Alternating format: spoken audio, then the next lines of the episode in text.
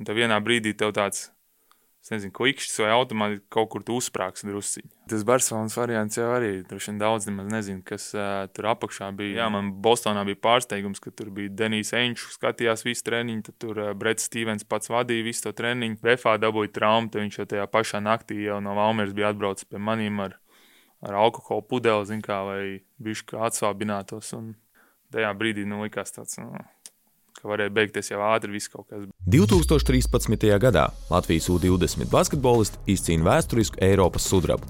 Kas bija šī panākuma stūrakmeņa? Kas notika ar panākumu varoņiem? Podkāsts Sudraba zēni. Lai izcīnītu lielus panākumus, komandai jāstrādā kā vienotam mehānismam. Un spēlētājiem ir labi jāsaprot uh, savā starpā un jāsadala, jāsaprot arī savas lomas. Un ir nepieciešama arī līderi, kas ved to vezumu uz priekšu. Viens no šīs U20 izlases līderiem 2013. gadā bija šīs reizes, šīs epizodes viesis Jānis Bērziņš, jeb Bonis. Uh, viņš šajā turnīrā guvis vairāk punktu no visiem Latvijas izlases gūtiem punktiem kopumā šajā čempionātā. Viņš iemet gandrīz piekto daļu. Uh, Spēlētājs, kurš noslēgumā tika iekļauts arī čempionāta simboliskajā izlasē, un jau pēc pusotra mēneša pēc šīs sudraba izcīnīšanas debitēja arī Eiropas pieaugušo čempionāta fināla turnīrā. Čau, Jāni! Čau, čau! Ievadājs minēja, ka tevi sauc arī par Boni. Uh, droši vien ir tādi, kas ir dzirdējuši šo stāstu, ir droši vien arī tādi, kas nav dzirdējuši. Varbūt var pastāstīt, kāpēc tev sauc par Boni, kāds ir pamats šim stāstam. Nu, ja godīgi, nu tagad jau man drusku miglaini jau viss ir, bet uh, cik es sapratu, tas bija no bērnības, kad uh, kā laukos dzīvojot, tāds ne, citreiz nedarbs darīja un uh, bija filma Cilvēku bērns Bonifācijas, un tad kaut kā drusku sāk man tur saukt, nu, protams, ne tik gari, bet nu saīsināt, un tad tā kaut kā pielip, un tad līdz, līdz pat šodienai, ne, visur sauc, bet īsumā pat skolā man skolotāji sauc par Bonu, un, uh, un tas tā pielips drusciņi. Kā ir komandās ārzemēs, tur zinu šo iesauku. Daži zina, jo, piemēram, tas pats Grosels šo sezonu, amerikānis, kas bija manā komandā, arī iepriekš Zaļonā Gorā mēs bijām. Tad uh, Rolands Freimans man sāk sauc par Boni, Boni, Boni, un, uh, un tad tie ārzemnieki arī, kāpēc viņš sauc tā, un tad, tad šo sezonu, piemēram, viņš man arī sauc par Ei, Boni, vai, nu, mm. tam līdzīgi kaut ko. Tā kā, tā kā ir citreiz arī, jā. Pamazām arī pa Eiropu aizklīst šis, Nu, šī, šī iesauka. Ameriku, jā. Tieši tā. Labi, 2013. gads un, un, un tā vasara tev patiesībā iesākās ar, ar citu spilgtu notikumu. Tu aizbrauci pēc, pēc bronzas izcīnīšanas Latvijā uz pirmsdrafta nometni Itālijā, Trevīzo. Un eh, tad, kad tu brauci uz šo pirmsdrafta nometni, tev jau bija skaidrs, ka tu pēc tam spēlēsi, jebkurā gadījumā arī Latvijas U20 izlasē. Mm, jā, jo tas jau bija, man liekas, treniņu nometnes vidū, jo ā, komanda aizbrauca U20 toreiz uz Ķīnu, un es ar uh, Tīmu Jānu, man liekas, mēs aizbraucām uz to Trevīzo. Bet nu, tas tāds, nu, man liekas, iespēja sev parādīt drusciņi, es nebiju tur, nezinu, ar milzīgiem plāniem tur pa NBA tajā brīdī, bet uh, vienkārši tāds bija periods, un ka uzaicināja, tāpēc arī devāmies tur. Mm -hmm. Bet, nu, tad būtībā tajā brīdī, droši vien, ja nu pēkšņi būtu atnācis kāds tur piedāvājums braukt, atrādīties uz Ameriku, varbūt tas būtu izmaisījis to visu plānu. Nu, ļoti iespējams, bet uh, man liekas, tur jau nepārklājās. Man liekas, Eiropas čempions ar tur arī pirms drafta kaut kas. Un, uh, bet, uh, Jā, bija jau- tādi spēlētāji, kurus draftēja un pēc tam, un pēc tam, jā. piedalījās. Bet, nu, protams, ja tur būtu kaut kāda nereāla interese, tad varbūt viss būtu mainījies. Bet tas jau bija desmit gadus atpakaļ. Es pat, uh, neatceros, kā tur, kā tur bija. Bet nu, mums tomēr jāparunā par desmit gadiem. Jā. Atpakaļ, jo par to ir šis podkāsts. Un, un tad, kad tu pievienojies pēc šīs Trevīzo nometnes, um, mm, izlase jau bija izbraukājusi Ķīnu. Aizvadījusi ļoti tādu fiziski smagu uh, pārbaudas spēļu posmu, ne tikai fiziski, dažādu smagu. Un par to arī šajā podkāstā jau ir runāts, un, un treneris un citi ir stāstījuši. Uh, Tu atceries to pirmo skatu, tās pirmās emocijas, pēc tam atkal pievienojoties komandai, tad, kad tu atgriezies. Kāda izskatījās tā komanda, kas bija nu pat, nu, ne nu pat, bet pirms kāda laiciņa atgriezusies no Ķīnas, kur piedzīvojas smagus, smagus zaudējumus. Es pat īsti neatceros, bet es zinu, ka vienkārši man drusku skaudīgi, jo es arī gribēju uz Ķīnu aizbraukt. Tas tomēr ir kaut kas, ā, nezinu, varbūt vienreiz dzīvē vai tam līdzīgi. Bet, ā, Bet tajā pašā brīdī es braucu arī uz Trevizo, tur arī Itāliju. Nu, viss, nu, es to pašu savienošanos es neatceros īsti. Es domāju, ka abas puses bija ar kaut kādu, kā pateikt, nu, kaut kādu pievienoto vērtību. Nu, Ķīnā nu, viņi tur apskatīja daudz ko. Es kā Itālijā kaut kādā NBA apri, nu, aprises drusku uh, redzēju, un, un kas savienojās, tad, tad īsti man nebija nekas tāds. Mm. Nu, jā, jūs toreiz vairāk pēc tam pievienoties mazliet vēlāk, un tad mm. būtībā paspējāt visu kopā. Aizdīt tikai divas pārbaudas spēles. Viena no tām bija neoficiāli par to 18, un tad pēdējā spēle tieši Valmjerā, tavā dzimtajā pusē, pret Zviedrijas izlasi. Jūs toreiz viņus sagrāvāt pēdējā pārbaudas spēlē pirms čempionāta. Tāds divi krasi atšķirīgas spēles ar krasi atšķirīgiem iznākumiem. Ar kādām, teiksim, gaidām tu krāmēji koferus pēc tam uz Tallinu? Ko tu gaidīji no tās komandas, ar kurām tu biji? Zin kā, mēs toreiz to U18 tikai pašā beigās tur viņiem pat bija metiens pēdējais, ko mēs uh, vinējām. Un, un, man liekas, tas drusku nozemēja mūs, uh, kad domājām, ka varbūt neesam tik jaudīgi. Nu, nu, labi, mēs jau vispār braucām uz čempionu. Droši vien uh, kaut kādi pirmie mērķi bija tikt ārā no grupas vai tam līdzīgi. Tad nebija tur baigās ambīcijas par medaļām, jo medaļas neviens nebija izcīnījis jau cik tur gadus. Un, uh, Un, uh, un tā kā mēs aizbraucām, tu sāk, tu sāk just vienkārši, nu, kad pa katru uzvaru tu dabūji kaut kādu pārliecību. Bet tā bija, ka nebija tāda personīgā mērķa, jo nu, tas pats treneris Štābergs uh, atklāja, ka viņam tomēr bija jau pirms tam, viņš sev personīgi bija nolicis mm. mērķi izcīnīt medaļas. Ja nu viņš brauc uz turieni, tad viņš grib medaļas. Mm, tev pa, individuāli personīgi nebija kaut, nu, kaut kāda pat varbūt ne mērķis, varbūt vienkārši kaut kas, ko tu sagaidīji. Nu, ņemot vērā arī to, kā jums bija gājis iepriekšējos čempionātos. Man liekas, ka, ja es, nu, labi, nu, es pareizi atceros kaut cik, mm. tad uh, nu, mērķis man baigies tur nebija. Es vienkārši gribēju parādīt sev vairāk, arī ar komandu kaut ko izcīnīt, jo mēs iepriekšējos čempionātos tur. Uh, Nezinu, viena, divas uzvaras, U-18 dabūjām. Tur arī bija diezgan liels fiasko, un arī pats es sūdīgi nospēlēju tās to čempionātu. Un, Tāpēc šo U20 gaidīju vairāk tā, kā parādīt sev drusku labāk un, un tad skatīties, kas notiks uh, turnīra gaitā. Mm. Nu, tu biji viens no tiem, kas uzspēlēja U20 čempionātā arī gadu iepriekš, starp gadu vecākiem. Uh, un arī toreiz jūs izcīnījāt nu, salīdzinoši augstu vietu tam laikam, sestā vieta. Um, tas, tas, tas iedod kaut kādu pārliecību tam, ka, ka, ka var izdoties arī vēl labāk pie sava vecuma. Nu, droši vien, jo tur jau arī nebija tālu. Tas, man liekas, pusfinālā mēs tur arī liekas, diezgan līdzīgi tā spēle bija. Un, ceturtdaļfinālā. Nu, labi, jā, ceturtdaļfinālā. Mm. Un, labi, es tur varbūt nespēlēju tik daudz, un, bet tomēr tajā brīdī tu jūti, ka nu, jūs varat kaut ko izcīnīt arī. Un tāpēc tas U20 arī tāds bija, kur vienkārši gāja. Tu, bija, mot, nu, ne jau bija motivēts vienkārši mm. parādīt labāko, ko tu vari, un tad skatīties, kā tas sanāk. Mm. Bet tas, ka tu esi bijis jau tādā čempionātā, vēl pie tam starp gadu vecākiem, nu, tas, tas dod kaut kādu priekšrocību pēc tam spēlējot pie saviem. Nu, tu jau par to sezonu nākamo visu jau esi aizmirsis. Protams, ka tu atnāc pēc U20 pie gadu vecākiem, tu atnāc uz jaunatnes līgu, tad tu varbūt jūti tur nezinu lielāku pārliecību vai tam līdzīgi, bet kad sezonas, sezonas laikā jau tomēr kaut kā drusku adaptējies un tu pilnīgi jauns sajūtas atkal, un kad nāk savu vecumu tad ir droši vien tas pats no pilnīgi savādāk. Šajā 13. gada čempionātā tev ir kāda tāda viena spēle, varbūt, kas tev palikusi spilgtāk atmiņā, nu, pēc kuras tu saprati, ka, ka jā, mēs ejam uz, uz pilnu banku. Mm, droši vien to Spāniju, ko mēs vinējām otrajā, grupas, otrajā grupā. Un, mm.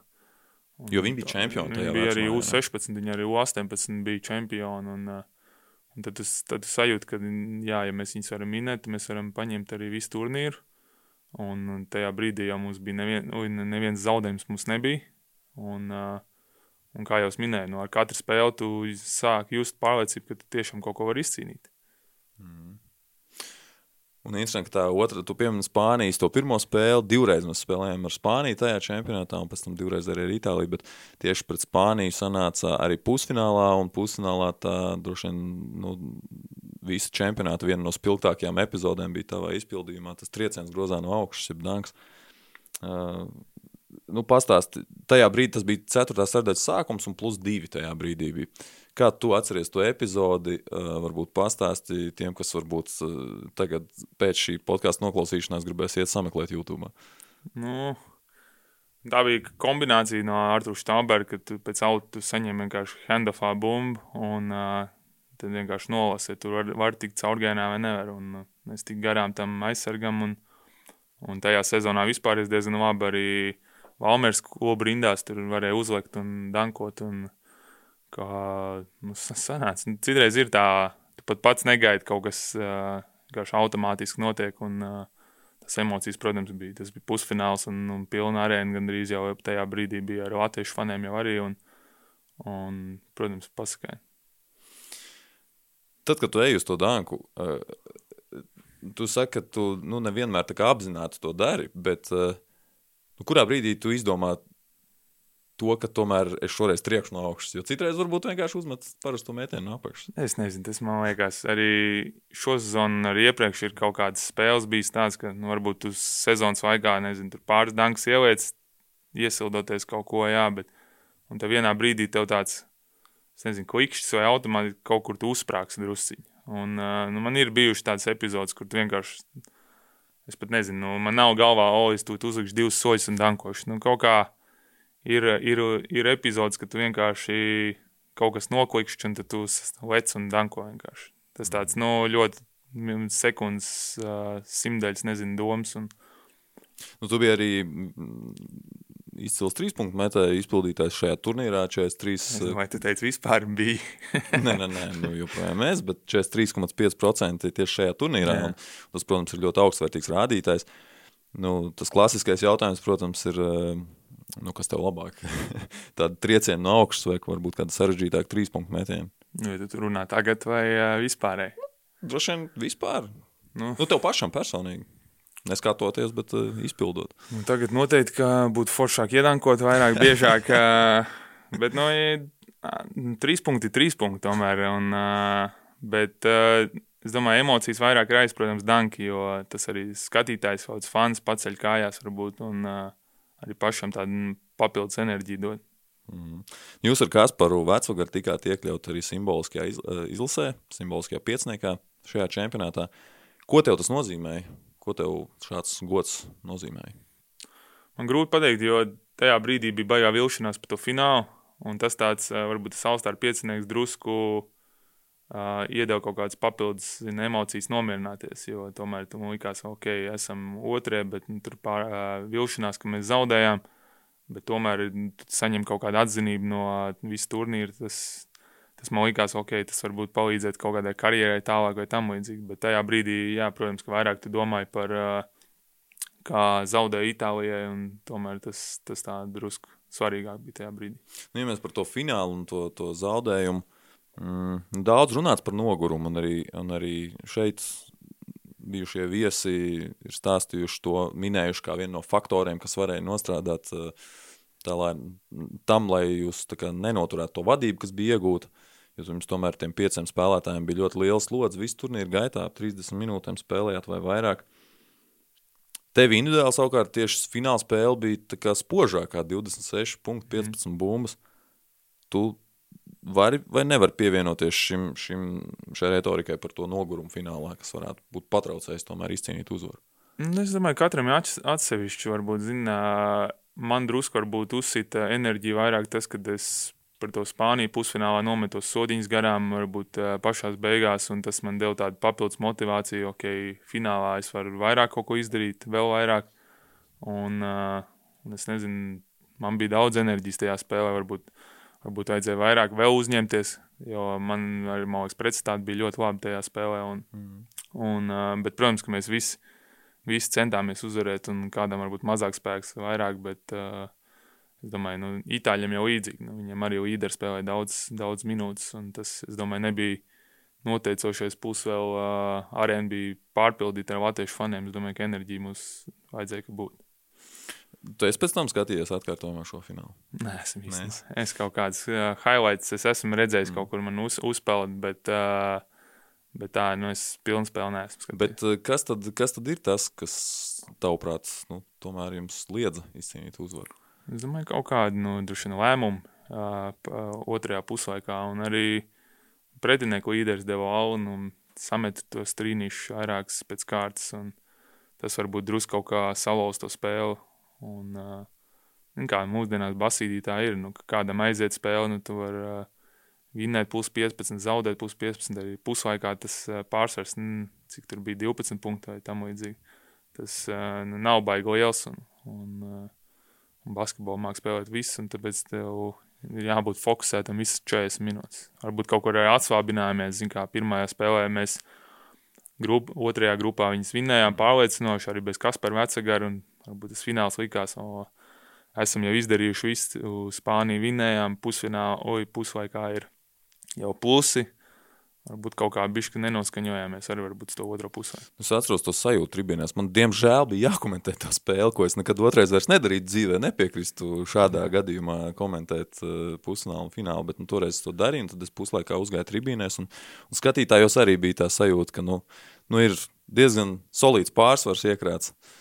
Nu būs. būs bet uh, par nogurumu. Nē, bet, bet ehm, jā, cik ļoti tu teiksim, pārdzīvo par kaut kādiem tādiem zaudējumiem, un varbūt arī vēlāk karjerā, vai tas ir mainījies. Jo 20 gadu vecumā nu, skaidrs, ka droši vien citādāk eh, cilvēks uztver lietas nekā vēlāk. Nu, jā, jo nu, ir arī pēc tam kaut kādas svarīgās spēles zaudētas. Tad tu nezini, uh, drusku arī atceries to U20, tu mēģini sev motivēt vairāk, zini, kā. Vai, tas bija sāpīgi, vai nu, kaut kādas sajūtas, tu at, mēģini atcerēties, vai nepieļaut tās vēlreiz. Nu, tu vairāk sev motivē, bet ejot gadiem uz priekšu, tu vienkārši pieņem to kā, kā ikdienu, jo ir uzvars, ir zaudējumi, un tu mēģini vienkārši darīt labāko, ko tu vari, un tad tu esi pēc tam apmierināts. Mm.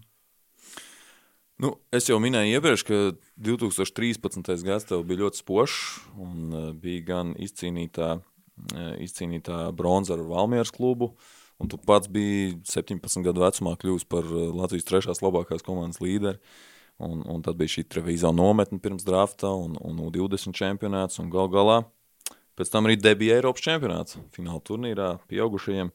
Tu kā vienīgais tika uzaicināts, nu, no tiem, kas tika uzaicināti, arī pievienojies U20 eh, izlasēji un devies uz treniņu, nometni kandidēja, tika sastāvā. Uh, Nu, tas 2013. gads droši vien bija tāds, tas bija tāds spilgtākais, emocijām bagātākais gads. Nu, noteikti, jo Valmērā es pirmo reizi izbaudīju kārtīgi basketbolu, jo es labi spēlēju, arī labas epizodes bija un komandai beigās arī rezultāti bija.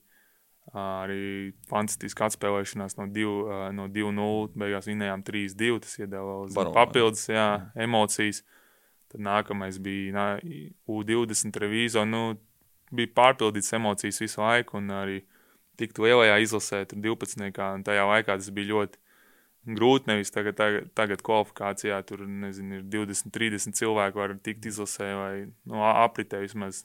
Toreiz bija tikai 12 uz čempionātu, un, un tas nebija tik vienkārši. Un, kad tika tad, tad vēl ir papildus kaut kādas emocijas, tad arī pēc tam VF sezonu, nu, arī Eiropausā spēlē man bija diezgan normāla loma tajā vecumā, un protams, tas gads bija pārpildīts. Jā. Bet visas šīs emocijas, tas, tas, tās pozitīvās emocijas, tas lika patērēt arī noteikti ļoti daudz enerģiju, tīri fizisko spēku, un, un, un, un nogurums noteikti krājās. Varbūt arī emocionāli, tomēr, nu, cik, cik tu vari tās pozitīvās emocijas. Visu laiku tas arī nav dabisks process, droši vien, ja ir tikai pozitīvas emocijas. Nu, ja tu tagad palūkojies atpakaļ, varbūt kaut kādu lomu, tas, tas arī nospēlē tajā, nu, tajā tajā stāstā, kas tev pēc tam bija ar veselību. Mm. Nu, noteikti, jo arī jaunas līnijas tajā pašā Valmēras sezonā es spēlēju ar paralēli kaut kādās jaunatnes līnijas spēlēs. Un uh, tajā brīdī tu neapzinājies, tu tikai mauc, mauc, mauc. Tev, nezinu, tur ir tā, kā, kā tu arī minēji, kaut kādas labas emocijas vai tam līdzīgi. Un tu drusku varbūt vajadzēja apstāties kādā brīdī, jo, jo tur bija palielam bez atpūtas visu laiku. Beidzās sezona, tad U20, tad tas, tas, tas. tas pēc tam nacionālā izlase, pēc, pēc lielās izlases uzreiz ieliec VFA, VFA un, un palielam atpūtas vispār nebija. Un, uh, es domāju, tas ir ļoti liels iemesls, kāpēc arī notika pirmās traumas. Tu līgumu ar VF parakstīji 11. gadā pēc 18 čempionāta. Tad tā, tā viena sezona tev vairāk, tā kā tā pirmā sezona, nu, vairāk no soliņa skaties spēles nekā, mm. nekā bija laukumā, bet tad bija tā izīrēšana atpakaļ uz Valmieru un atgriešanās VFA pēc U20 um, čempionāta. Parakstīja jaunu līgumu un noteikti ar tādām nu, cerībām par kaut ko, par kaut kādu lomu, par savu spēlēšanu. Mm. Uh, vai tu sagaidīji to, kas, ko tu cerēji sagaidīt VFA? Mm, jā, nu, jo toreiz treneris Butauts man ar sarunu bija ar viņu pēc U20, un viņš man ne jau solīja, bet nu, runāja, ka es būšu kā, pirmais, otrais spēlētājs no maiņas. 20 gados tas izklausījās ļoti labi, un mēs Vēfs arī spēlējām Eiropausā tajā gadā. Un tāpēc arī es izlēmu palikt, palikt VFā, nevis kaut kur doties projām, jo man likās, tā ir laba iespēja. Nekur citur 20 gados droši vien tādā līmenī nespēlēt. Tas bija arī tas iemesls, kāpēc tā, tas, tas publiski izskanējušais Barcelonas variants nepiepildījās. Jā, bet tas Barcelonas variants jau arī droši vien daudz nemaz nezina, kas uh, tur apakšā bija. Nu, tāpat viņi man būtu izīrējuši pirmos divus gadus uz Fueno Bradu. Palielināt man tas līgums ar Barcelonu tikai ne jau fiktīvi, bet nu, tur 2 plus 2. Jā, nu, eksistētu. Bet... Palielināt mēs parakstīju Fueno Bradu. Un labi, bija vēl arī daudz piedāvājumu, bet man likās, ka arī mums ar VF jau bija kaut kāda vienošanās pirms tam, un uh, man apmierināja visu, ko viņi man piedāvāja. Tomēr Eiropas ir Eiropas, un, un VF tajā brīdī arī bija kotējās tur diezgan augsti, un uh, man likās tā laba iespēja pašam spēlēt. Mm. Jā. Nu, un atgriežoties pie tā, tie, tās lielās slodzes un tā viss, kas tev bija 13. gadā, nu, tad sanāca tā, ka pusgadu pēc šī U20 sudraba 14. gada sākumā tu saplēsi pirmoreiz krusteniskās saites. Um, diemžēl ar to tev nebeidzās krustenisko saišu stāsts. Un, un četru gadu laikā trīs reizes tas notika. Viens ir fiziskais aspekts, bet ko tas prasīja, mm, ko tas prasīja no tevis arī psiholoģiski pārvarēt šādu nu, melno joslu? Kā, pirmā, pirmā reize, kas sanāca, tad pēc tam jau, kā, viss jauns, tu liekas, un tu motivēts, es nu, atgriezīšos labāks vai tam līdzīgi, un uh, tas diezgan ātri paskrēja, un es uzskatu arī, ka es atgriezos tīri ok, jo pēc tam arī bija diezgan laba sezona uh, VFā nākamā, uh, bet uh, tad atkal, tas atkal man drusku atsied atpakaļ, bet uh, es nezinu, es arī tajā brīdī, kad es saņēmu, kad es dabūju otro reizi, tad man likās, Nu, labi, Dāvim Bērtānam arī bijuši divas, un uh, viņš ir atgriezies labā līmenī, un uh, pat NBA tajā brīdī jau bija, man liekas. Un es sev motivēju tā, ka, nu, ja viņš var, tad es arī varu. Un, un pēc tam, kad vēl trešo dabūju, nu, tad, protams, tev bija bišķiņa, ne jau panīkums, bet, nu, tu druska mentāli jūties sagrauts, un, un, bet tajā brīdī es, es arī sev vairāk motivēju par to, ka Es nezinu, nevienu, pat varbūt, es, varbūt esmu vienīgais Eiropā ar vienai kājai, trijām krustenēm. Nu, no basketbolistiem, kas spēlē normālu līmeni. Un es motivēju tev sevi tā, ka, nu, kāpēc, nu, kāpēc nevar atgriezties normāli. Tu vari būt tas piemērs citiem. Nu, tieši tā, nu, kad, uh, jo pat, man pat bija tāds stāsts, kad uh, man fizioterapeiti pat teica, ka uh, es dzirdēju sarunu vienkārši caur starp diviem fizioterapeitiem, nu, ka tas būs pelnušķīts stāsties, atgriezīšos normālā līmenī. Jo man tur bija vēl papildus kaut kādas problēmas, un tajā brīdī es atsvietu vēl drusku atpakaļ. Un, un, varbūt, man liekas, ka tas man varbūt vairāk motivēja, jo, jo es saskatīju iespēju būt ar kaut ko īpašu, varbūt nu, atgriezties un, un parādīt to, ka es tomēr esmu spējīgs kaut ko arī. Tas nav tikai nezinu, fizioloģiski, ka tev tur cels, cels, tur nezinu, jābeidz karjeru uzreiz. Un redz, kā tagad esmu 4-5 sezonas jau nospēlējis un pat aizkļuvu līdz ACB, tas zin, sasniedzis kaut kādu mērķi. Un es uzskatu, ka uh, esmu nu, ne maksimālo izdarījis, ko es varēju ar savu traumu vēsturi, bet nu, diezgan daudz. Jā. Kas ir tie? Nu, tu viens pats tiec galā ar visām tām to pašu nomāktību, ko tu sauc, vai, vai tu meklē kaut kādu palīdzību, vai gluži vienkārši tā palīdzība atnāk kaut kādu radinieku, tuvinieku veidolā? Daļēji no, no, no visām pusēm. Nu, pats, pats es arī es domāju, diezgan varbūt, mentāli stiprs ar tām traumām, drusku, jo tas tāds no pašam ar sevi vairāk jācīnās. Un, nu, protams, arī bija arī palīgi no malas, kā ģimene un, un arī fizioterapeiti vairāk, kas, kas palīdzēja un tam līdzīgi. Mm. Uh, nu, pēdējo reizi tev tas sanāca pārbaudas spēlē pirms 17. gada čempionāta. Um, un, un, un tad pēc tam sekojošajā sezonā tu tā arī neuzspēlēji. Visu sezonu tev sanāca mm. pat vairāk nekā gads pēc basketbola mm, oficiālos mačos. Kas tajā laikā, nu, tā, tā, tā, tā gada pusotra laikā, kad tu nespēlē vispār, kas darās tev prātā? Nu, tu taču skaities joprojām profesionāls basketbolists, profesionāls sportists, bet tu neesi laukumā. Ne tu pats vari sevi realizēt, ne citi to var ieraudzīt. Nu, tas bija, jā, tas bija mentāli visgrūtākais periods, jo varbūt tie pirmie pieci mēneši, zin, kā, kad tu ej soli pa solim, tu saproti, uz kurien tu ej, tad uh, tas nebija tik grūti, bet tad bija pāris problēmas, kas atsviet tev, nezinu, tur divus mēnešus atpakaļ, kad nedrīkstēji skriet, tad ir jau seši mēneši, kad it kā vajadzētu jau, tad atsviež atkal atpakaļ. Tas tā drusku uh, mentāli iespaidoja ļoti, jo, jo tajā brīdī tu jau kaut kā nu, plāno arī, ka tu varētu atgriezties vai tam līdzīgi. Un, ja tu nezinu, pēc, pēc pusgada neesi sācis pat kustēties, tad liekas, varbūt tiešām kaut kas nav kārtībā. Bet, bet tāpatās es zinu, ticēju sev drusku un arī strādāju kārtīgi, tāpēc uh, viss labi, kas... Ne, ne, nebija domas par nu, nezinu, profesijas maiņu? Nu. Tajā brīdī jau, zin kā, man, man nebija neviens cits domas par uh, kaut kādiem backup variantiem, vai nebija nekādas alternatīvas, kur, uh, ko izvēlēties. Tāpēc fokusējos tikai uz basketbolu. Un, uh, es nezinu, nu, es uzskatu, ka labi nepadevos, un tas zin, arī pašam. Uh, pašam mentāli tas uh, dod daudz ko, jo tu saproti, ka nu, varbūt kāds būtu padevies, es nepadevos. Nu. Pie, pieskaroties klišejiskajiem izteicieniem, tad kas nenogalina, padara stiprāk. Ja? Nu, tieši tā. Bet uh, nu, vēl jau droši vien jāņem vērā bija arī aspekts, ka tev jau nebija kluba uz to brīdi. Tu biji bez līguma. Nu, tad, ja ir klubs, es pieļauju, ka tomēr arī tā sajūta ir nedaudz cita, ka tevi gaida kaut kur atpakaļ. Nu, jā, jo, bet tajā, tajā brīdī bija kaut kāda izlases apdrošināšana. Nu, tad, zin, tā, finansiāli tu kaut kā jūties, varbūt drusku drošāk. Bet tad, tad tur arī beigās tev pasaka, ka tev apdrošināšana tur nav. Jo tur bija problēmas ar to, ka man bija atkārtot traumu tur uh, desmit mēnešu laikā. Un, un neviens tur nebija izlasījis, protams, no.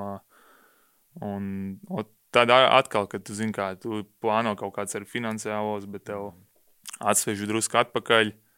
Uh, bet es nezinu, tas bija labi mācība visam. Un, uh, un tad, tam, tad, kad tu parakstīji ar Vēnspili, tā bija tā atgriešanās sezona. Uh, Mm, nu, tas, tas Vēnspils variants, nu, es pieļauju, ka klubs jau arī kādas bija tās sarunas ar viņiem, jo nu, nu es, es pieļauju, ka viņi jau arī nu, droši vien jā, rēķinājās ar to, ka nezinu, ko sagaidīt. Nē, nu, tur jau arī bija interesants lietas un, un arī bija daudz, daudz emocijas, jo te, kad es uztaisīju arī pārbaudas pirms Vēnspils, nu, tad uh, no viena tur ārsta pasaka, nezinu, kad uh, viņam tur kaut kas ir vēl, Uh, tad, zin, kā ķēdīte aiziet līdz manim tā informācija pa lielam, kad nezinu, ka vēl pusgads jāizlaiž. Es jau sācis, esmu normāli tur trenēties, tam līdzīgi. Beigās viņi man deva iespēju, nu es saku, nu, kad es jau trenējos, jau cik, cik reizes varbūt, zinu, kaut kā tur tā tūska vai, nezinu, tur iekaisums ir no tā, bet, uh, nezinu, esmu pateicīgs Ventspilī, ka deva man iespēju, un, uh, un es uzskatu, ka tas arī deva tādu atspērienu pēc tam tālāk. Jā. Kāpēc, tavuprāt, ir tā, nu, tieši no šīs izlases, no šīs U20 izlases, kur kopumā, protams, nu, atdeva milzīgi astoņu spēlētāju profesionāļi un, un visi arī izlasē pierakstījušies, bet, bet nu, ļoti daudziem tieši veselības līkstas patraucēja vēlāk karjerā. Ka tas, tur ir kaut kādas likumsakarības vai, vai? Nu, es domāju, ka... Neveiksmes vienkārši. Ir arī kaut kāda veiksme, neveiksme, bet uh, varbūt kaut kāda pārslodzes, es domāju, jo cik zinu, Kaspars spēlēja daudz uh, visās jaunatnes līgās, tur pie gadu vecākiem, tam līdzīgi arī Žalgarī tajā laikā, zinu, kaut kāds spiediens varbūt, un uh, nezinu, arī ne, nākamais solis. Dāvs tāpat spēlēja visur, kur varēja, un, un tas arī varbūt sakrājās līdz tiem 20 gados, nu tu, man grūti izskaidrot to, jo, ja kāds zinātu, jau, zin, kā to varētu atrisināt, bet uh, tas tāds, domāju, vairāk lietu kopums, un uh, Mm. Vēl es tam NBA stāstam nedaudz gribu pieķerties, jo pēc tā pirmajām krustnēm, kad tu atgriezies, tev bija laba sezona VFA, un tu aizbrauc vēlreiz uz Trevizo nometni un, un dabūji uzaicinājumu no trīs NBA klubiem. Nu, Pastāst par šo pieredzi, jo jūs no šīs U20 komandas bijāt divi spēlētāji, kas vēlāk arī atrādījās nu, basketbola mekai, Jā. mekas klubiem. Pastāst, kā tev tur gāja un, un kā tu atceries šo pieredzi? Nu, ja man jāsalīdzina, tad pirmais gads ar Trevizo bija labāks, jo es arī biju labākā formā. Tajā otrajā gadā, kad man jau bija uh, NBA gads, drafta gads, un uh, tas bija tieši atgriezies no traumas. Es biju nospēlējis tikai nu, nepilnus 3-4 mēnešus, un man nebija labākā fiziskā kondīcija, jo tur arī prasīja visos tajos NBA workoutos. Tur ir 3 stundas treniņi, tev jābūt inten... nu, gatavam uz visu šo nezinu, visām trijām stundām tur maksimāli sev atdot. Un es neuzskatu, ka es tajā brīdī biju simtprocentīgi gatavs. Ja tas būtu noticis gadu iepriekš, es domāju, būtu nu, pirms traumas, ja tas būtu daudz labāk rezultāti. Jā. Mm. Kam tu atradies? San Antonio, Bostonai un Jūtē. Nu, un bija kāda tāda kaut kas no šiem, ši, šīm vietām, kas palicis atmiņā. Nezinu, varbūt satika kādu. Ojārs mums stāstīja, ka viņš Stenu Van Gandī satika vienā treniņā. Mums jau arī bija. Nu, Popovičs neiera, nebija tā zālē nekad, bet uh, man bija pārsteigums, kad Brets Stevens bija pats vadīja visu arī workout. Mm. Es, piemēram, San Antonio tur vada kaut kādi 5, 6, 7 treneri, tur kaut ko tur kāds apskatās pa logu iekšā, varbūt kaut kas interesants ir, bet Tā, jā, man Bostonā bija pārsteigums, ka tur bija Denijs Enčs, skatījās visu treniņu, tad tur uh, Brets Stevens pats vadīja visu to treniņu. Tā brīža galvenais treneris. Jā, jā, un man likās, un tas tāds uh, drusku ne jau pagodinājums, bet, nu, augstu līmeņu treneris, ka viņš novērtē, zina, arī mm. kaut kāds draft kandidāts, nevis tur, uh, nezinu, atvaļinājumā varbūt sēž mājās, jā. Um, un tā, Vēnspil, tā atgriešanās tev sanāca ar divām ļoti atšķirīgām sezonām Vēnspilī. Tas bija, kāpēc tā? Tā bija tikai, nu, teiksim, uh, nu, viens droši vien ir treneru aspekts, bija divi dažādi treneri. Cik daudz bija arī tas fiziskais aspekts, ka tā pirmā sezona tomēr vēl bija jāieskrienās, mm. vai, vai nebija jāieskrienās, un tu jau biji gatavs simtprocentīgi. Nu, droši vien jau, tomēr tu jau pareizi saki, tur bija pusotrs gads gandrīz ārā uh, no aprits, un, un es atgriezos, un tev jāatgūst tā spēles garš. Tas pirmais gads parasti ir tāds saraustīts diezgan, bija kāds arī labs spēles, kaut kāds uh, slikts, bet uh, es to arī gāju, plus mīnus ar tādu domu, ka man ir divu gadu līgums, uh, pirmais gads būs atgriešanās sezona, ja būs sanāks labi, no ok, super, bet uh, es arī vairāk fokusējos to, ka man būs vēl viena iespēja nākamajā gadā, un, uz to man ir jā, jāfokusējās, jā. Mm. Kā tev pašam šķiet, tu, kurā sezonā, kurā brīdī tu esi bijis labākajā formā savā karjerā? Nu, droši vien Valmē Valmērs sezona. Tur arī... Tad tomēr līdz tai traumai. Līdz traumai, protams. Tad arī zin, trenējos divreiz vairāk. Tad arī nu, tev bija pārliecība un uh, kā, nu, nekādas traumas vēsture nebija. Nu, tu gāji maksimumu un, un tu redzēji kaut kādu ne jau mēģi, bet nu, es jūtu, ka es varu kaut ko sasniegt tajā brīdī vairāk. Un tāpēc arī atdeva droši vien bija daudz lielākā pēc traumām, jo pēc traumām tu drusciņi kaut kā ne jau piesardzīgāks esi, bet tu pamaini drusku savu stilu arī, kā tu spēlē. Un, jo Valmēras sezonā es domāju, ka es biju diezgan bezbailīgs, varēju lekt vienalga pāri visiem krist. Nu, tu nedomā par neko. Tā tā es uzskatu arī bija fiziski arī labākā sezona vispār. Un tas arī nu, rezultāti arī par to liecina. Jā. Bet tas nav tomēr arī kaut kur nedaudz ar šodienas acīm tāpat darīt un trenētos, vai tomēr varbūt nedaudz apdomīgāk, jo varbūt tas kaut kur iet jau pāri kaut kādām, nu, tādām cilvēciskām eh, vai fizioloģiski eh, nepieciešamiem līmenim, lai noturētos ilgtermiņā. Un kamēr ķermenis ir jauns, tikmēr viņš to var paturēt. Nē, nu, ja man tagad es tiktu atpakaļ pagātnē, tad droši vien es samazinātu spēļu daudzumu Mm. Un varbūt nacionāli uz lielo izlasi varbūt neaiziet. Zin, kā, jo tajā laikā nu, tu mēģināji maksimumu izdarīt visur, un tu jau nezini, neiz, neizjūtas nekādas traumas tam līdzīgi, tāpēc tu gāji. Un tev patīk uh, uzvarēt, spēlēt, tāpēc tu gāji uz visām vietām, kur tu vari, nezinu, jaunatnes līgas izlases un tā tālāk. Protams, tagad es būtu samazinājis spēļu daudzumu un vairāk rūpējies par ķermeni vai pakāpeniski, bet nu, no spēles stila droši vien nemainīt neko. Arī visus tos garlaicīgos uzdevumus, ja tos dziļos muskultūras. Nu, protams, ja man, ja man tagad, nezinu, kāds pateikt, ka, ja es to būtu darījis vairāk, droši vien 19, 18 gados, nu, es to darīju droši vien katru dienu. Mm. Nu, un par spīti visam, visām šīm veselības līkstām, četru gadu garumā, tu tomēr, re, kur tik līdz Spānijas čempionātam, līdz ACB līgai, kas tiek uzskatīts un ir tāds prestižākais nacionālais čempionāts, labākais nacionālais čempionāts Eiropā. Un tas notika pagājušo sezonu, iesākt sezonu Manrēsas klubā. Tas bija sapņu piepildījums. Nu, noteikti, jo, nu, labi, protams, sapnis droši vien bija NBA. Tas jau gan visiem basketbolistiem ir. Bet, protams, ar katru traumu man tas sapnis bija šie mērķi pazeminājās. Un noteikti Spānija bija tas, ko es visu laiku gāju. Arī zin, ģimene vēlējās, vai es tur nonāktu kādreiz. Un, un es biju ļoti pagodināts, nezinu, to iespēju saņemt. Un, uh, es uzskatu, ka jā, tas, tas ir tas mērķis, ko esmu nu, palielinājis izpildījis. Mm -hmm. nu, tu uzturējies tur nepārāk ilgi, astoņas spēles, tad tu pārcēlies uz Grieķiju, uz citu mm -hmm. siltu zemi, citiem dienvidiem. Kāpēc, tavuprāt, tas Spānijas sapnis sanāca tik īss? Nu, man liekas, ka uh, tieši ar to komandu, kur es biju, tur uh, treneris bija tāds, kas, nezinu, trenējāmies divas stundas dienā. Un, uh, nenormāli, ja es būtu jauns, noteikti, ka es tur uh, mierīgi no, no, nospēlētu tālāk. Bet es vienā brīdī arī sapratu, ka, ja es gribu spēlēt basketbolu ilgāk, tad uh, es to slodzi, ko viņi liek, to es varbūt neizturētu.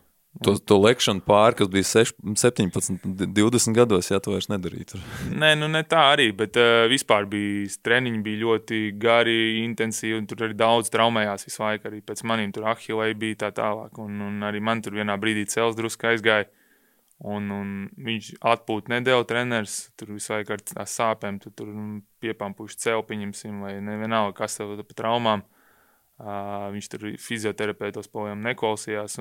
Vienā brīdī man likās pašam, nu, ja es gribu turpināt basketbolu, nu, tad labāk man tur neiet cauri, nezinu, cauri sāpēm tikai, lai es tur paliktu. Es labāk turpinu karjeru, nezinu, un, un spēlēju kaut kādā līmenī, kur es, kur es varu normāli spēlēt. Jā. Mm. Tu redzi sevi atgriežamies tur? Spānijā? Jā. Nē, es neredzu droši. Bet, nu, zin kā, man arī es tās spēles tur nospēlēju. Nu, tas līmenis nav. Es jūtu, ka es varu mierīgi spēlēt, jo to pašu pret Valencijas iemetu 14 mm. punktus. Un uh, arī pārbaudas spēlēs labi spēlēju. Bet uh, es nezinu, varbūt man kaut kāda drusku ambīcijas vai kaut kas pamazinājās ar visiem šīm traumām. Un uh, gadiem ejot, tu saproti, kurā līmenī tu jūties ērtāk un esi piederīgs. Nu, es nejūtu šobrīd, kad es būtu gatavs skriet kaut kur. Uh, nezinu, pierādīt par nezinu, mazu, mazu naudu vai nezinu, tur, pār, uz atvērtajiem līgumiem, varbūt tam līdzīgi. Es jūtu, nu, ka man ir jānospēlē savu karjeru, cik es varu, un, un tāpat ir paralēli jau lietas, ko, ko daru, tāpēc, basketbols jau tāpat beigsies vienā brīdī. Vai šādi apzināti lēmumi par, par sportistu karjeru, par tavu basketbolu ceļu nāk vienlaikus arī ar kaut kādu uh, nu, ar kaut kādu tādu negatīvu emociju, ar, ar nu, ne nožēlu gluži, bet ar tādu, nu, tādu, nu, jā, bāc. Es laikam šajā līmenī tad nē, tomēr. Nav tā, nu, tev jau arī, tev ir, nu, kā, es, es tagad vismaz uzskatu, kad es spēlēju basketbolu, uh, nevis vairs prieka pēc, bet vairāk tas ir darbs, uh, un, man pašam ir jājūtās ērti tajā līmenī, kur es esmu. Es negribu katru dienu tur nezinu, piedzīvot stresu vai tur, nezinu, ar bailēm iet uz treniņiem vai uz spēlēm. Nu, šobrīd es, es mēģinu kaut kā izbaudīt to spēli, un es daru savu darbu. Citreiz labāk, citreiz sliktāk, bet nu, es mēģinu nu, fokusēties tikai uz to, ko es daru. Man nav tāds mērķis pēkšņi uzlikt kaut kur nezinu, mistiski. Tev labāk spēlēt drusku zemāk, bet tu spēlē kaut, kāda, kaut kāds minūtes, kaut kāda loma, un ģimene ir laimīga un tā tālāk. Jā. Mm -hmm. um, tas ir droši vien tas, ko tādi sporta līdzutēji mēdz arī nesaprast. Ka tomēr nu, šis jau arī ir darbs, vai ne? Jā. Un jebkuram jau arī savā darba vietā, oficiālā vai jebkur viņš strādājot, viņš grib justies ērti, vai ne? Ne, nu, ne tikai tas ir arī ģimenes apstākļi. Nu, un, uh, arī tu esi katru dienu kopā ar ģimeni. Nu, ja viņi nejūtās ērti, es nezinu, nu, es nebraukšu tikai dēļ pāris, tur, kā piemēram, pāris tūkstošiem vairāk, vai tikai es būtu priecīgs. Nu, ja man sieva un bērni nebūs priecīgi, nu, tad tas arī ir aspekts. Tāpēc arī tagad, kad mēs izvēl, uh, ir kaut kādi piedāvājumi, tu skaties vairākus. Vairākus punktus. Nu, 19 gados, jā, tu droši vien skriet uz komandu, kur tev ir lielākā izaugsme pēc tam, vai tur Bet šobrīd nu, ir cits prioritātes. Jā. Desmit gadi apskrējuši kopš U20 sudraba. Jā. Cilvēku dzīves mainās, ne? Un, un, un karjeras un skatījumi. Bet eh, pēc tā U20 sudraba uzreiz tika tāda liela izlasē. 13. gada 6. septembrī izgāja laukumā, Eiropas čempionāta fināla turnīrā un toreiz spēlēja pret Lietuvu. Eh, Tevi treneris Bagāts izlaida laukumā.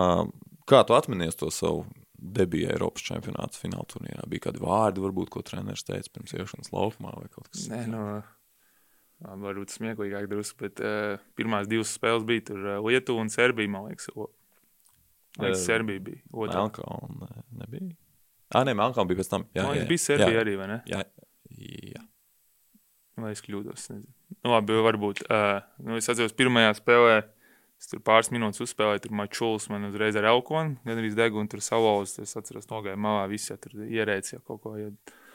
Un, un, un tad nākamajā spēlē man šķiet, ka Serbija bija, jo tur bija tas, es neatceros, kā viņam vārds, tāds dāvs spēlēja kopā, ā, tāds liela deguna, tāds centrs. Marjanovičs. Nē, nē, vēl, vēl tāds cits tāds. Un, nē, nu, labi, vienkārši kā piemērs. jā, Jā, jā, tāds milzīgs, nav liela deguna. Un, un, un kaut kā es tur pēc bumbas cīnos, un viņš man to elkonu sagrāba. Man liekas, ka viss jau viņš tā pakustās, un man tas ar roku ir iesprūdus, un tu neko nevar izdarīt. Tajā brīdī, nu, likās tāds, nu, ka varēja beigties jau ātri viss kaut kas, bet, nu, Čemps, Čemps jau bija ar lielām emocijām, nu, iemet arī pirmos punktus mm. pret Ukrainu, man liekas, un uh, tas arī vairāk bija kā piedzīvojums, nekā es tur baigi kaut ko loloju pa lielām minūtēm vai pa punktiem. Mm. Jā, bet, nu, droši vien tas piedzīvojums bija gan spilgts. Galu galā jūs, uh, jūs sākāt rakstīt to jauno laiku vēsturi Latvijas basketbolā. Nē, nu, vai, protams, ka tas bija spilgts, jo manā gadījumā vispār nu, es spēlēju Latvijas līgā tajā brīdī, un tev, tev pretīm tur bija Pārkers, Diāls vienā spēlē par Franciju, man bija jāsadz, un visi mačūjas, Kleiza bija NBA tajā brīdī, nu, tos vārdus viss atceries, tur sēd pie galdiņa tev Pols Gazols tur pretīm, un, ā, un pilnīgi tur nevar aprakstīt tās emocijas, jo tajā brīdī tu tik- Televizorā redzējis, jā, līdz tam Nu, tikai televizorā, datorā, bet nu, ne dzīvē, protams. Un, uh, domāju, jā, tā, tā bija tāda liela iedvesmas, varbūt uh, iespēja, un tāpēc mm. es to arī nenožēloju. Pēc tam savainojumiem tu atgriezies izlasē 16. gada uh, vasarā, kad Belgradā notika Rio Olimpisko spēļu kvalifikācija. Um, pa to laiku tu biji paspējis sadziedēt to, to pirmo krusteni, un, un, un viens no tiem, kas tev bija klāt un palīdzēja tikt pār tam smagiem savainojumiem, pirmajā reizē bija vēl viens sudraba zēns, jūsu 20 izlases uh, fizioterapeits un ārsts Jānis Petronis.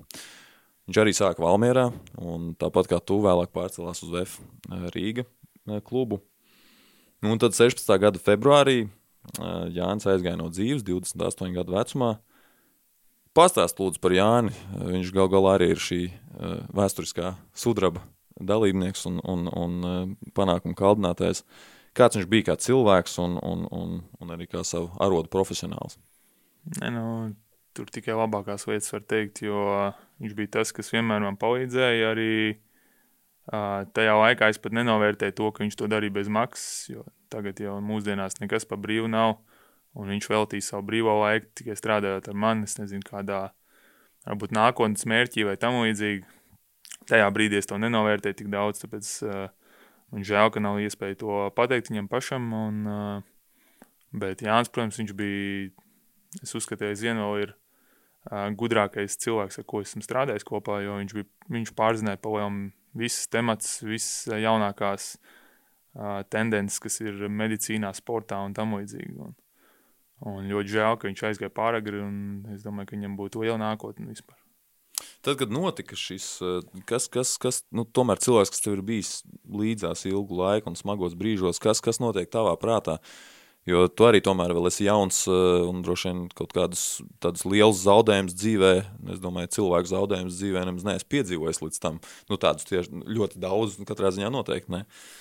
Kādas, kādas pārdomas tas raisa vai ir kaut kādas uh, atbildes jāmeklē uz tādiem, tādiem lieliem dzīves jautājumiem? Un tajā brīdī jau tu vairāk, uh, tu pat nes, nesaprati īsumā, kas noticis, jo likās, nu, varbūt, ok, ir, te nav, tad varbūt viņš atbrauc kaut kad vēlāk, uh, bet, kad, kad laikam ejot, nu, tu tiešām saproti, kad uh, cilvēku vairs nav, tad ir, uh, es nezinu, man bija kaut kāds periods, tiešām, ka es nezināju, kam zvanīt par kaut kādām problēmām. Arī tas pats, arī, ka otrā reize trauma notika. Uh, jo es zināju, ka viņš bija vienmēr bija pieejams. Tāpēc pēc otrās traumas es meklēju iespēju pie viņa bijušās draudzenes tajā brīdī. Un, uh, nezinu, man bija tāds periods, jā, kad, uh, kad es nezināju, kur, kur likties, ja man ir kāds problēmas. Jā. Mm. Jo viņš bija tas cilvēks, kas tiešām palīdzēja jebkurā brīdī. Arī pirmā reize, kad es VFā dabūju traumu, tad viņš jau tajā pašā naktī jau no Valmieras bija atbraucis pie maniem ar ar alkohola pudeli, kā, lai bišķi atsvābinātos. Un, un jau uzreiz jau domājām plānu, ko darīt tālāk. Mm. Nu, par noslēgumā par eh, mazliet pozitīvākām lietām, ja tu atmies savu bērnību, kas bija tavs nu, tāds, sapnis, pirmais sapnis eh, NBA vai Latvijas izlases krēkls? Mm. Droši vien, ka izlases krēkls, jo es atceros pat mājās, ka mēs ar Bračku tajā laikā nebija Un nu, nebija jau nekāds internets, tur normāls un, un protokols, nekas. Tad mēs mums bija katram savs blociņš tur, un mēs tur pierakstījām katru punktu. Rūs Helmans, divi punkti, tur pies rebounds. Mums katram bija savs, savs uzdevums, un tu beigās skaties tādā blociņā protokolu. Jo, es nezinu, vai kaut kur bija pieejams, bet mēs to darījām visu laiku. Un, un, un tad bija tad arī puslaika pārtraukumā, tu parasti eja bračku tur ar otru jaunāko. Mm. Nu, kā Kārlis, kad mēs četri, trīs brāļi vēl. Un ar to mēs spēlējām viens pret vienu. Zin, tur tu sauc, uh, nezinu, Štelmachers iemet trīs punktus. Nu, es domāju, ka tas bija tas, uz ko es skatījos, jo NBA tajā laikā man īpaši nebija pieejams. Kaut kādas spēles varbūt tur rādīja, bet, uh, bet vairāk bija jā, Latvijas izlases, visi Andris Biedriņš un, un Tas Andris varbūt tālāk, vēlāk bija. Bet... Jā, zīmīgi, ka tu pieminēji Roberts Telmheru, un, un, un droši vien viņš nav vienīgais, protams, tas pats Bagātskis un, un citi. Kuri vēlāk, ar kuriem tev ir krustojies ceļš dzīvē, eh, kāds ir tas satikšanās brīdis, tad, kad tu saproti, ka tev tūlīt jāiet uz lielās izlases treniņu, kur tu satiksi to džeku, kuram tu rakstīji to statistiku blociņā pirms daudziem gadiem? Zigā, jo tu paliec vecāks, jo tev tie, kas saka, nu, elki, elki jā, elki mainās drusku. Un, uh, protams, Ainārs tajā brīdī es biju 19 gadīgs, man tāpat likās tur super elks un, un tā tālāk. Un, uh, Bet laika gaitā ejot, nu, tev, jā, tev pamainās kaut kādi elki, un tu, tu jau satiec arī izlasē. Tad bija Blūms, Janis Čēnoks, visi uh, lielie vārdi, un tu nedaudz ad adaptējies. Kā, mm. Nu, un tavs, viens no taviem brāļiem, Mārtiņš, ir arī tavs aģents, un, un uh, gal galā vadīja arī Valmēras klubu savulaik, un, un ir basketbolā cieši bijis klāt tev. Kā tu skaties uz to, cik ļoti tev ir palīdzējis brāļu plecs, brāļu klātbūtnē tavā karjerā, ejot uz priekšu? Nu, nu, tas ir ļoti, ļoti daudz, jo viņš ir bijis klāt palielam no paša sākuma. Arī Valmierā, kad es spēlēju, nu visi lēmumi daudz ir saistīti ar, ar ko mēs kopā esam izdomājuši. Un, un tas ir labi, jo ir kaut kāds padomdevējs vienmēr no malas, kas var pateikt, kā labāk rīkoties, jo tad uh, viņš nedaudz arī nozemē, jo piezemē, jo tu, es nezinu, viņam ir lielāka pieredze, viņš saprot, kā, kādi ir nākamie soļi tā tālāk. Nu, domāju, tas man deva uh, jau izaugsmu karjerai, un droši vien, ja nebūtu traumas, varbūt nu, būtu vēl, vēl daudz vairāk. Mm. Tu arī plāno iesaistīties tajā sfērā, kurā viņš darbojas kādreiz? Nezinu, es, es kaut kā piepalīdz citreiz, ja tur vajag kaut kādas kontaktus vai tam līdzīgi. Nu, man it kā interesē viss tas tam līdzīgi, bet es saprotu, ka tas ir grūts uh, biznesa vispār. Un, uh, tā ir kaut kāda viena puse, var būt, kur, kas man varētu interesēt arī pēc karjeras beigām, bet uh, es to nelieku kaut kādu simtprocentīgi. Bet uh, es neizslēdzu. Jā. Mm. Tas ir, man liekas, ka tas ir interesanti, kaut kas man patīk.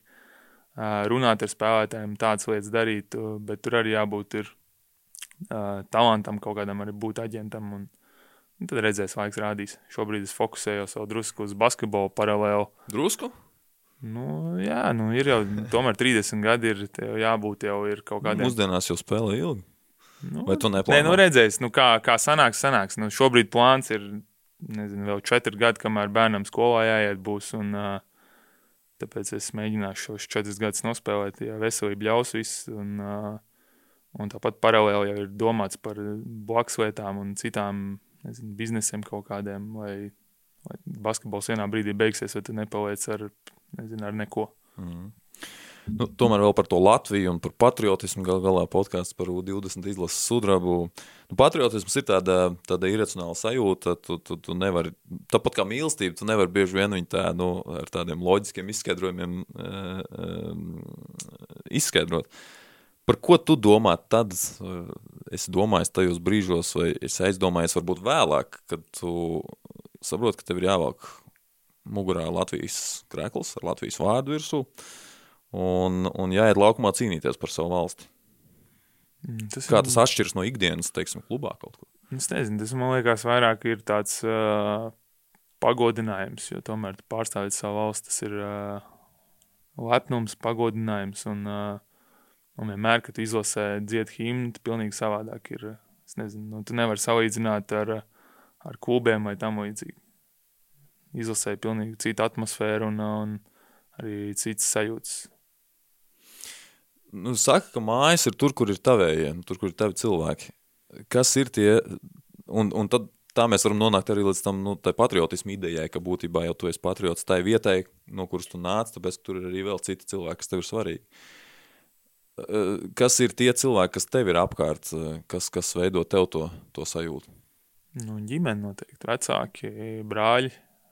Tomēr es nācu no lielas ģimenes, un, un tas, tas, tas dod tādu, es nezinu, man motivāciju, ka, ok, es izdaru basketbolā, ko es varu, un pēc tam es atgriežos tāpat Latvijā pie ģimenes, kur, kur es projām gūstu lielāko prieku. Nu, šobrīd arī man ir uh, sieva un divi bērni, un tas sagādā prieku, un, uh, bet, ka mēs visi esam kopā Latvijā, tas es nevaru izskaidrot, bet uh, ir, ir cits sajūta, kā būdams ārzemēs vienam pašam ar ģimeni tikai. Tomēr Latvijā ir patīkamāk. Kādām emocijām tu skaties Latvijas izlases spēles tagad, ja tu neesi pats tajās? Nu, dažādām sajūtām, jo citreiz liekas, ka jā, es tur kaut ko varētu varbūt labāk palīdzēt vai kaut ko, nu, bet uh, laikam ejot arī saprot, kad, uh, izlasē šobrīd ir tie, kas ir gatavāki, nezinu, un, un es neuzskatu, ka nezinu, ja tajā brīdī treneris izvēlās tos, tad nu, viss vis cieņo viņu spēlē un vai, vai uzvar. Tas jau tikai Latvijas basketbolam nāk pa labi, ja ir labi rezultāti un, un kopumā. Jā. Mm. Ko tu sagaidi no Latvijas izlases pasaules kausa izcīņā, kur tā debitēs? Nu, es ceru, ka viņi vinnēs Kanādu un, un tiks. Nu, labi, es, es tikai tas ir mans personiskais. Mm, nu, uh, okay, Francija var viena no Francijas vai Kanādas nu, jāuzvar un jātiek ārā no grupas, un, un tad jau redzēs, kas tur nāk tālāk. Jo, jo grupa ir smaga, bet uh, kā jau arī hokeja izlase pierādīja, nu, mūsdienās tā ir viena spēle, basketbolu mākslinieks spēlēt visu, un mums ir ļoti talantīgs sastāvs. Es domāju, ka var mierīgi pārsteigt gan Franciju, gan arī Kanādu. Jā. Kur stāv tā sudraba medaļa? Uh, pie tēva mājās. Jā man tur visas medaļas, tur ir visas nezinu, balvas, kas ir bijušas, un uh, viņš tur viņas kolekcionē, un arī krekls un tam līdzīgi. Tev pašam ir svarīgi paskatīties ik pa laikam uz kaut kādiem saviem medaļām, saviem apbalvojumiem? Atcerēties. Nu, nav īsti. Nu, es to vairāk, tas tāds, nu, zinu, pagātnes kaut kāds sentiments vai tam līdzīgi. Es, es mēģinu skatīties, zinu, nākotnē nekā, uh, nekā domāt, ok, es tur biju labs tur 20 gados vai tam līdzīgi. Tā ir jau pagātne, zin kā, un tagad ir jāskatās nākotnē, ir jau cit, cits laiks un, un cits prioritāts, kā jau minēju iepriekš. Paldies par sarunu. Paldies tev, ka uzaicināji. Jā. Podkāsts Sudraba zēni. Klausies arī pārējās šī podkāstu epizodes un iesaki tās citiem.